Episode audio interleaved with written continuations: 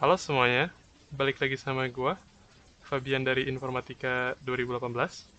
Episode ini adalah part 2 dari perbincangan saya, teman saya Junho, dan Bu Profesor Ayu Purwaryanti seputar AI, NLP, dan perusahaan AI di Indonesia.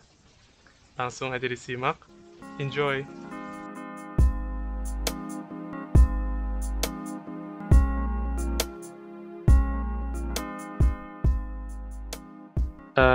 Kita langsung lanjut ke bagaimana perusahaan AI di Indonesia ya.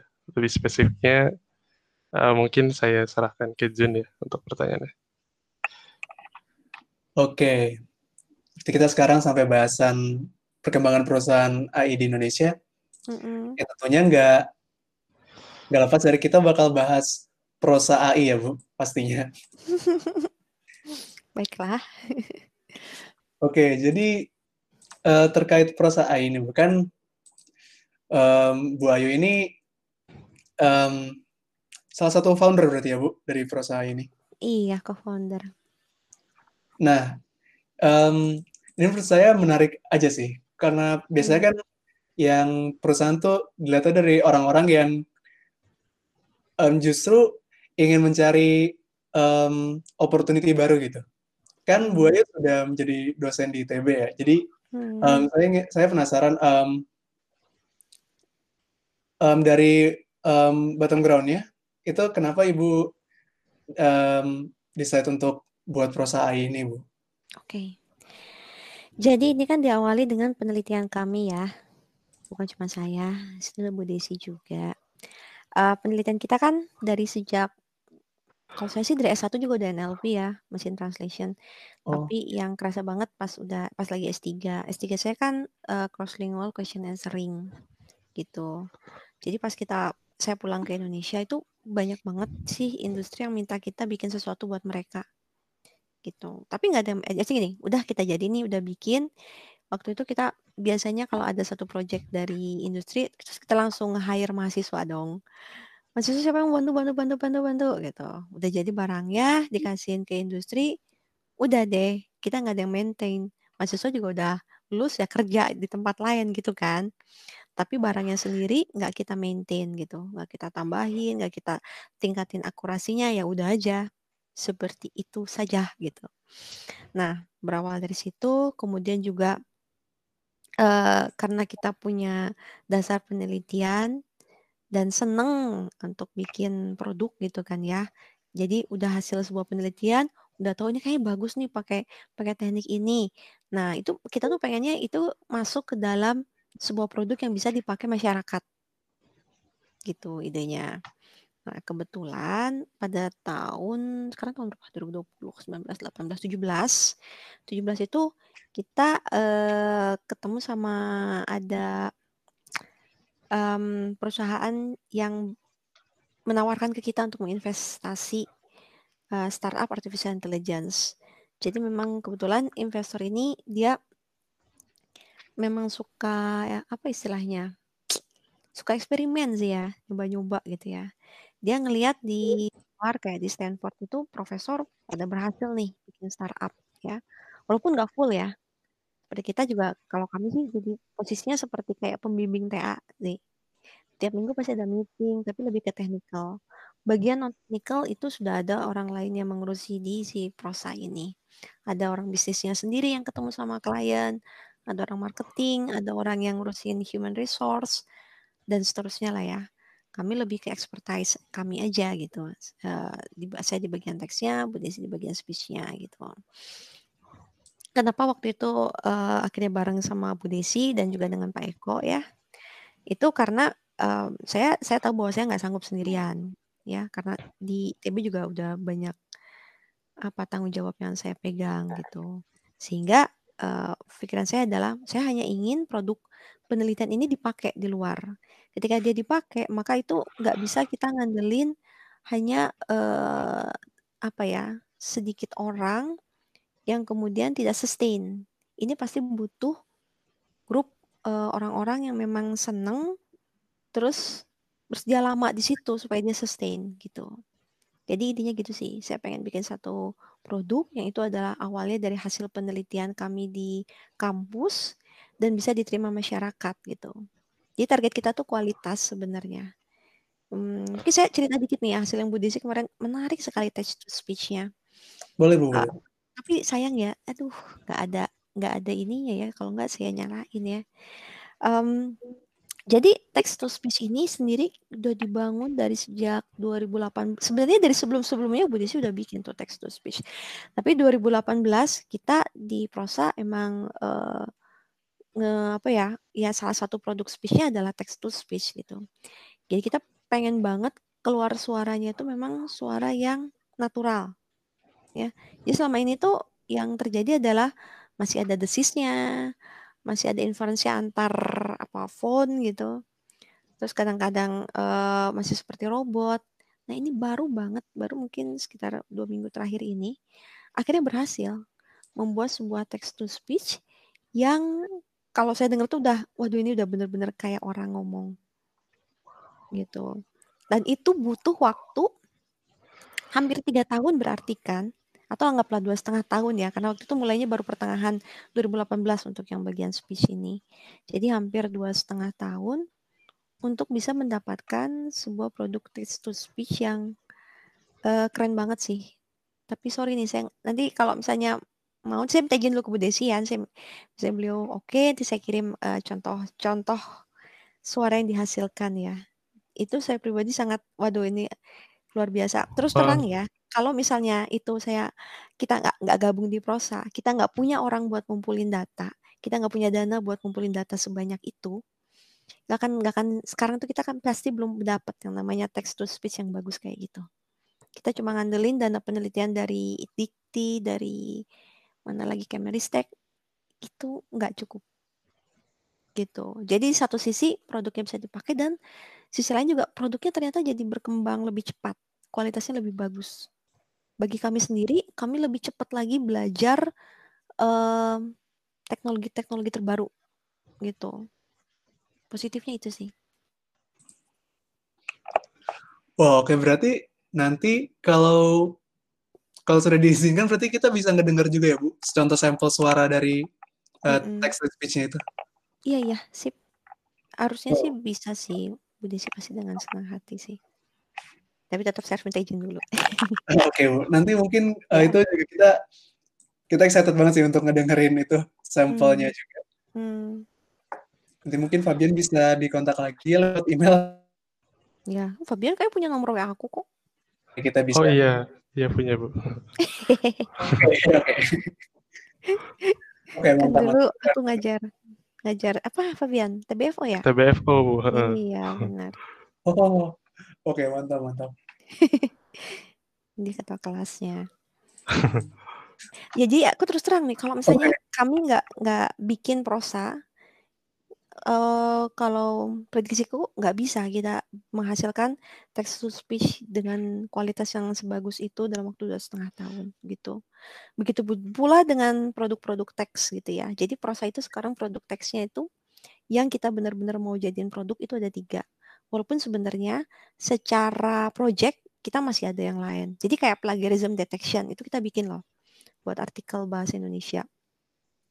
Terus uh, ada lagi lah yang lainnya lah. Tapi tapi tiga produk yang kita sekarang bikin untuk teks di prosa itu ada chatbot ya. Chatbotnya ini um, ada yang task oriented, ada yang chit chat, ada yang FAQ, kemudian uh, istilahnya apa customer experience uh, customer experience yang kemudian sempat kita gabung juga sih sama hoax ya sama hoax classification begitu itu idenya yang tadi bilang yang bagian dari sentiment analysis tapi yang digunakan tuh uh, yang aspek based sentiment analysis sama yang konsep based sentiment analysis jadi bukan hanya ini positif negatif tapi juga ini positifnya bagian mana sih, negatifnya bagian mana.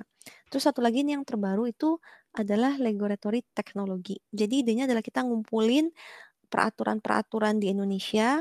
Terus uh, ini kepakainya sama bidang legal atau compliance yang ada di perusahaan. Ketika mereka mau mengecek peraturan di perusahaan itu comply atau enggak sama peraturan yang ada di Indonesia, misalnya perbankan gitu ya, mereka tinggal pakai si alat ini gitu. Nah ini terus terang kalau kalau misalnya nggak ada prosa, aku sama sekali uh, nggak kepikiran untuk bikin regulatory teknologi karena regulatory teknologi itu munculnya dari kebutuhan klien. Dia tanya, kayak kami butuh ini nih nih kita offload lah apa namanya waktu yang dibutuhkan untuk mengecek sebuah uh, peraturan yang baru terbit dicek ke semua peraturan yang ada di perusahaan ini ini butuh waktu sangat lama dan kami jadi bisa Eh, keburu kena denda gitu. Karena tidak dianggap tidak mengikuti peraturan tersebut padahal ngeceknya tuh lama gitu. Nah berangkat dari kemudian itu akhirnya kita kepikiran ya udah kita bikinin deh gitu jadi uh, secara positif itu mendorong banget sih perkembangan dari produk ya di bidang artificial intelligence gitu. Oke Bu, kalau kalau kita ngomongin tentang industri artificial intelligence di Indonesia nih, mm-hmm. kan ada juga perusahaan-perusahaan lain yang mengedepankan tentang AI ini ya Baik. di Indonesia. Misalkan kayak kata BTI dan yeah. banyak lainnya. Mm-hmm. Nah, dari prosa AI sendiri dan mungkin dari Ibu Ayu juga, melihatnya apakah sebagai strictly hanya sebagai kompetitor ataukah ngelihat lebih ke wah ini bagus ini untuk mengembangkan riset AI di Indonesia. Gimana Bu kira-kira pendapatnya? Uh, saya sih positif, insya Allah positif thinking dalam artian gini, um, tambah banyak perusahaan itu tambah besar uh, apa namanya lapangan kerja, ya. Karena bisa teman-teman ini di startup AI maupun startup yang lain, mereka itu nggak main-main masalah masalah salary. Selerinya itu memang dibuat sangat menarik. Kenapa? Karena jantung modalnya dari sebuah perusahaan teknologi itu adalah orang-orang yang ada di dalamnya. Gitu, engineer-engineernya. Jadi pasti sangat uh, dihargai ya semua kemampuannya itu. Ya. Dan buat saya itu positif banget. Daripada sekarang um, kita pakai produk dari luar, ya enggak? Kita pakai produk dari luar, duitnya jadi ngalir keluar kan tapi kan kalau ini kan produk buatan dalam negeri. Kata .ai itu dalam negeri. Ya, yang dilakukan kata .ai, dia manggilin orang-orang yang udah lulus di luar, S2 di luar, lulus terus dipanggilin pulang balik gitu. Ada lagi Notflux juga gitu. Terus apa lagi ya? Banyak kok perusahaan-perusahaan yang sekarang tambah maju lagi ya artificial intelligence ini apalagi kemarin baru keluar yang dokumen Stranas Artificial Intelligence kan Indonesia baru punya tuh dokumen strategi nasional artificial intelligence. Itu salah satunya memang di situ tuh arahannya adalah untuk memperkuat startup di bidang artificial intelligence. Karena yang kerja di sebuah startup artificial intelligence itu bukan hanya engineer ya, bukan hanya engineer, tapi di sana ada terutama ya uh, tim data. Tanpa data yang bersih, maka model artificial intelligence yang dihasilkan pun nggak bisa bersih. Jadi data itu adalah darah kan buat si model artificial intelligence. Untuk dapetin sebuah model yang akurat, kita harus punya data yang akurat. Gitu. Jadi ada tim data. Dan tim data ini itu nggak harus dari anak S1 loh. Anak SMA pun bisa loh. Jadi kebayangkan peluang peluang apa namanya pekerjaannya ya itu sangat sangat bagus gitu untuk berbagai kalangan gak harus engineer aja gitu. Jadi kalau saya sih nangkepnya ya bagus dan peluang pekerjaan di Indonesia maksudnya eh, job gitu ya dari perusahaan-perusahaan industri yang pakai kita juga banyak. Jadi kita bagi-bagi aja. Ya. Karena masing-masing udah punya lingkarannya juga sih. Udah punya lingkaran kliennya. Gitu. Kalaupun nanti kita ketemu tender di satu tempat ya nggak masalah juga kalaupun kita kalah juga nggak masalah juga. Jadi um, saya sih menganggapnya positif dan itu juga memicu kita untuk mendapatkan uh, ngedalemin lagi teknologi-teknologi baru gitu. Ya, karena tetap sekarang pun um, kita masih belum bisa 100%. Nah, masih sekian 90 sekian persen yang dilakukan oleh perusahaan yang menggunakan produk kita adalah dia akan cari cara supaya ini tetap bisa jalan karena itu tetap menghemat kos mereka gitu. Misalnya kayak sentimen analisis yang saya cerita tadi, itu akurasinya kita waktu itu bilang ke perusahaan yang memang butuh alat itu kita bilang, "Pak, ini akurasi 80% ya minimal," gitu. Walaupun sebenarnya di kita ada yang bisa sampai 90%, 85%. Jadi kita waktu itu ngedeliver sekitar 14 model untuk sentiment analysis itu ya, 14 model AI. Terus kita bilang, ya ini uh, kita bilang 80% minimal. Tapi dari 14 itu ada yang lebih dari 80%, 85, dan 90 gitu kita nggak nggak berani terlalu tinggi lah takutnya nggak nyampe gitu kan nah uh, itu nggak apa-apa masih diterima sama si perusahaan kenapa karena kan dia butuh insightful itu nggak harus semuanya 100% dia keambil hmm. kan opini masyarakat 80% sampling juga udah cukup kan gitu itu contohnya atau kasus lainnya face biometrics nih ini tempat yang Bu Desi lagi. Voice biometrics itu kan menganalisis orang dari suaranya ya. Itu nggak bisa 100% benar. Kenapa? Ada kasus-kasus seperti saudara, kembar gitu ya, ayah ibu atau apa. Suaranya mirip-mirip gitu. Itu sulit bisa 100% ya. Adanya 94% untuk laki atau perempuan ya, 97% untuk laki kalau nggak salah. Nah, jadi yang dilakukan apa? Jadi yang dilakukan adalah uh, si customer service agentnya ini ketika dia udah pakai face biometrics, dia nggak jadi benar-benar ngelos aja. Dia lihat nilai probabilitasnya dulu kan. Nilai probabilitasnya nggak terlalu tinggi, dia akan tetap bertanya beberapa pertanyaan ke customer gitu. Tapi kalau udah nilai probabilitasnya tinggi nih, paling dia nanya cuma satu.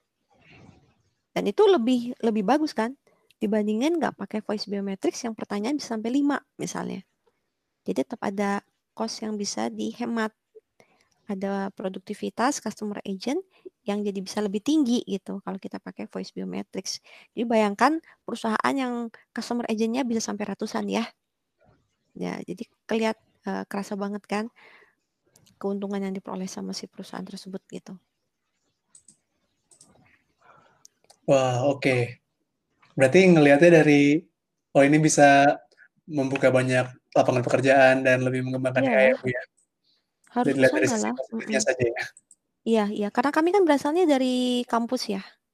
Kita kan nggak bener-bener, uh, swasta murni, dalam artian, uh, orang kampus itu akan akan selalu melihat kepentingan tuh, kepentingan nasional kan. Gitu. Iya betul. Mhm.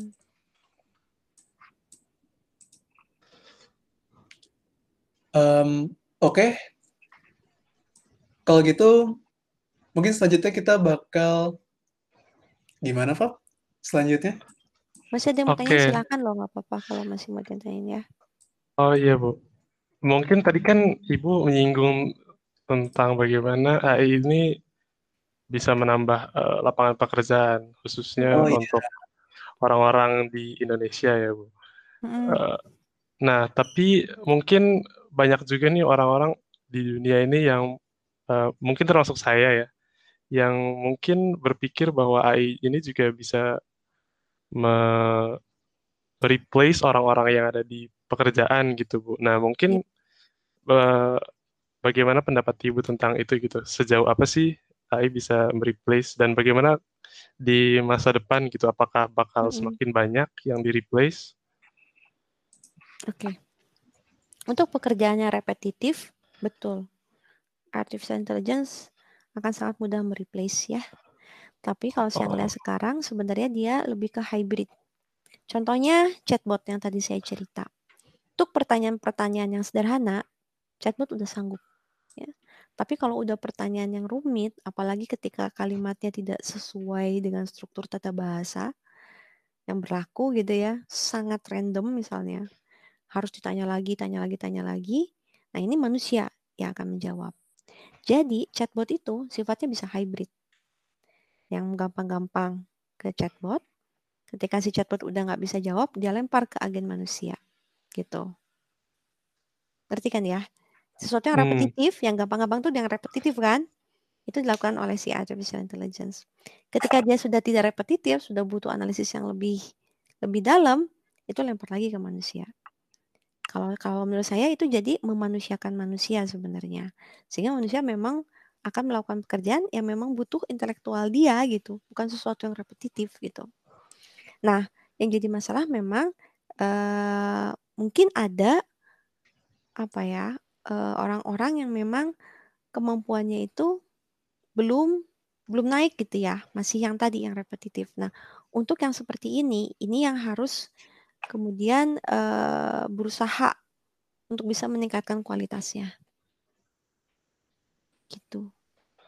Oke, jadi intinya kalau untuk sekarang ya Bu, AI ini bakal mereplace pekerjaan-pekerjaan yang tidak membutuhkan istilahnya kreativitas yang banyak ya Bu.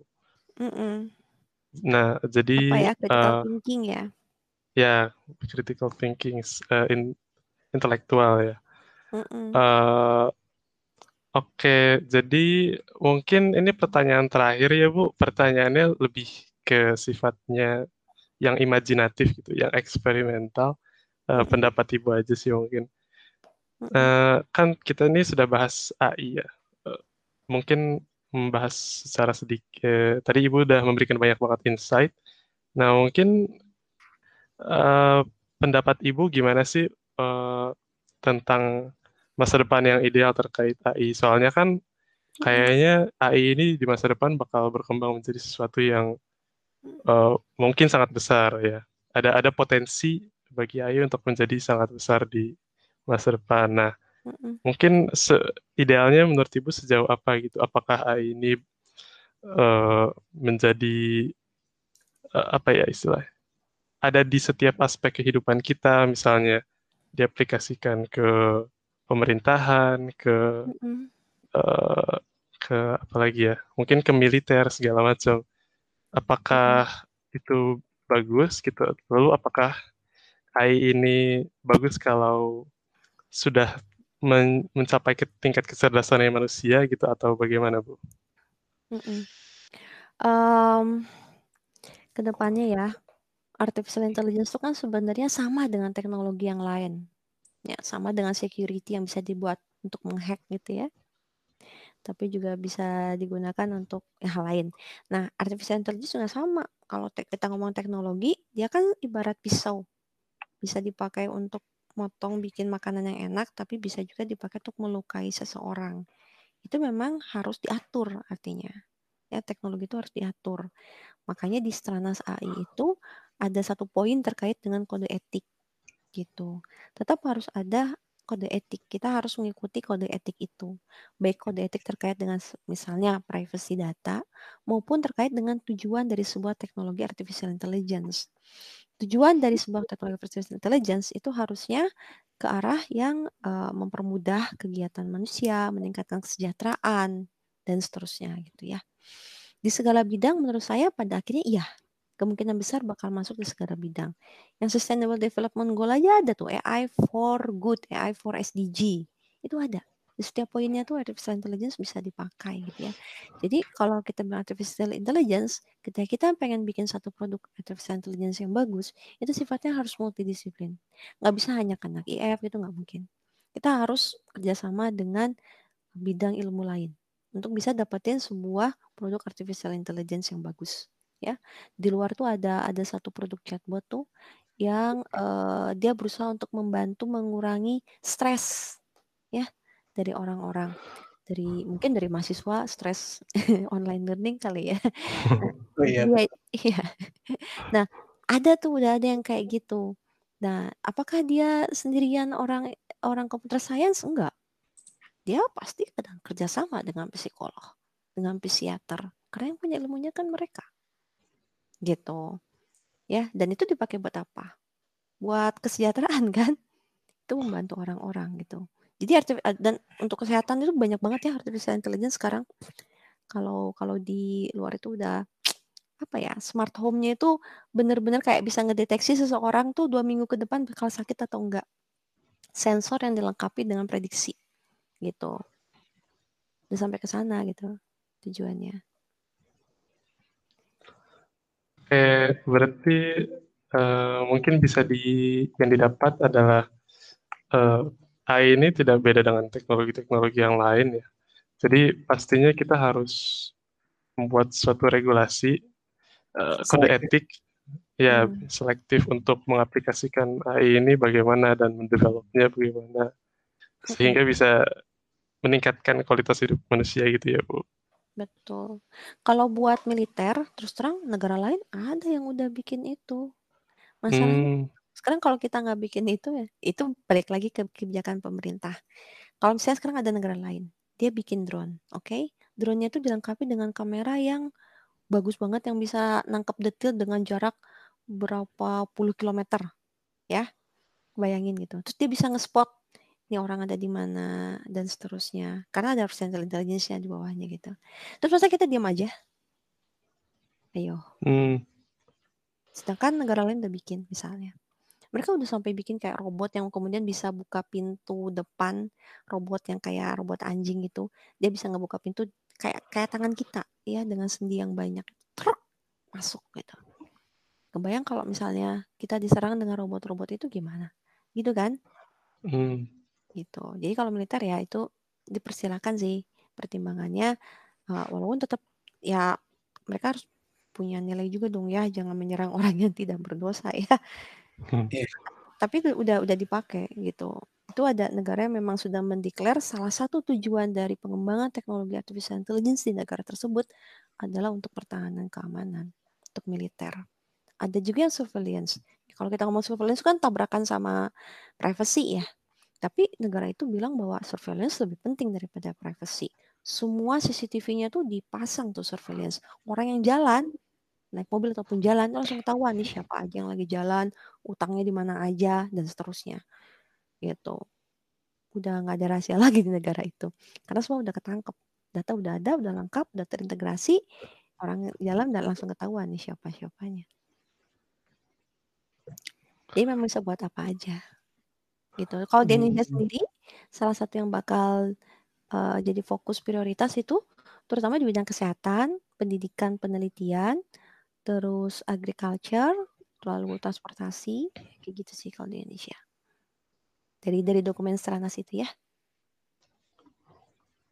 Gitu. Oke, oke. Berarti bisa, bisa dibilang Indonesia ini masih aman ya, Bu, dari eh, aplikasi-aplikasi AI yang mungkin eh, lebih ke berbahaya gitu ya, Bu. Eh, sejauh saya tahu sih begitu. Tapi saya nggak nggak tahu ya yang dibikin di BIN apa gitu. Juga nggak tahu.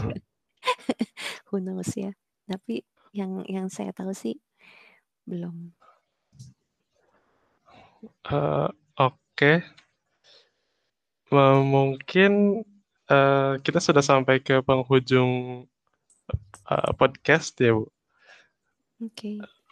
Eh, jadi mungkin sebelumnya makasih banyak lagi Bu sudah meluangkan sangat banyak waktunya dan saya yakin sih ini insight-insight dari Ibu pasti sangat-sangat berguna ya. Saya juga tadi banyak dapat hal-hal yang keren gitu Bu ya. Ya, Keren banget. Eh, Oke, Eh, mungkin recordingnya bisa di stop ya. Oh sebentar, saya ada satu ini satu pesan sebenarnya ke Oh teman-teman yang iya, pertama bukan boleh, Bu. dari informatika ya, teman-teman dari jurusan lain ya. Jadi um, artificial intelligence nggak akan menggantikan nggak akan menggantikan engineer yang non computer science. Tapi engineer non computer science yang tidak pakai artificial intelligence ada kemungkinan tergantikan oleh engineer yang pakai artificial intelligence. Saya kasih contoh planologi ya. Jadi di bagian planologi itu ada beberapa poin yang kita bisa pakai artificial intelligence. Termasuk di dalamnya itu memberikan kandidat planning yang paling bagus geospasial misalnya. Nah, eh, planner yang pakai alat tersebut ya, yang pakai artificial intelligence teknologi untuk memberikan kandidat tersebut, hasilnya pasti akan lebih cepat dibandingkan planner yang nggak pakai. Kebayang nggak? Kayak satu orang pakai Excel, satu lagi orang pakai kalkulator gitu Hmm, ya kan? Nah, sehingga uh, si planner yang punya kemampuan ini, ya minimal dia tahu cara pakai, dia punya teman yang bisa ngajarin dia segala macam. Nah, itu akan lebih cepat maju dan bisa mengalahkan yang tidak pakai gitu. Jadi uh, pesannya adalah artificial intelligence ini mungkin untuk data yang terstruktur ya, itu itu dia multidisiplin, sangat terbuka untuk bidang-bidang lain selain computer science. Ya, ini saya saya ngomongin masalah data mining, uh, tools WK, tools rapid miner, tools apalagi banyak lah tools yang kaitannya sama data science, data mining gitu. Itu bisa dimanfaatkan oleh teman-teman di luar disiplin yang computer science untuk membantu mereka mempercepat pekerjaan ya, termasuk bidang legal, bidang hukum gitu dan seterusnya. Gitu. Oke. Menarik sih Bu, menarik, menarik. Iya. Jadi ini mungkin lebih memotivasi untuk orang-orang yang tidak di ranah computer science untuk eh, juga mencoba-coba ya Bu, untuk menjadi dijadikan advantage di industri. Oke, oke. Betul. Ini sangat menarik. Diferensiasi dia itu jadinya gitu. Iya, iya, iya. Oke, kalau gitu, em, buat teman-teman sekalian yang ngedengerin podcast ini, udah didengar juga ya berarti dari Bu Ayu juga. Bahkan teman-teman yang bukan-bukan em, anak-anak teknik informatika atau STI, itu juga bisa dapat insight yang bagus dari podcast-podcast HMIF ini.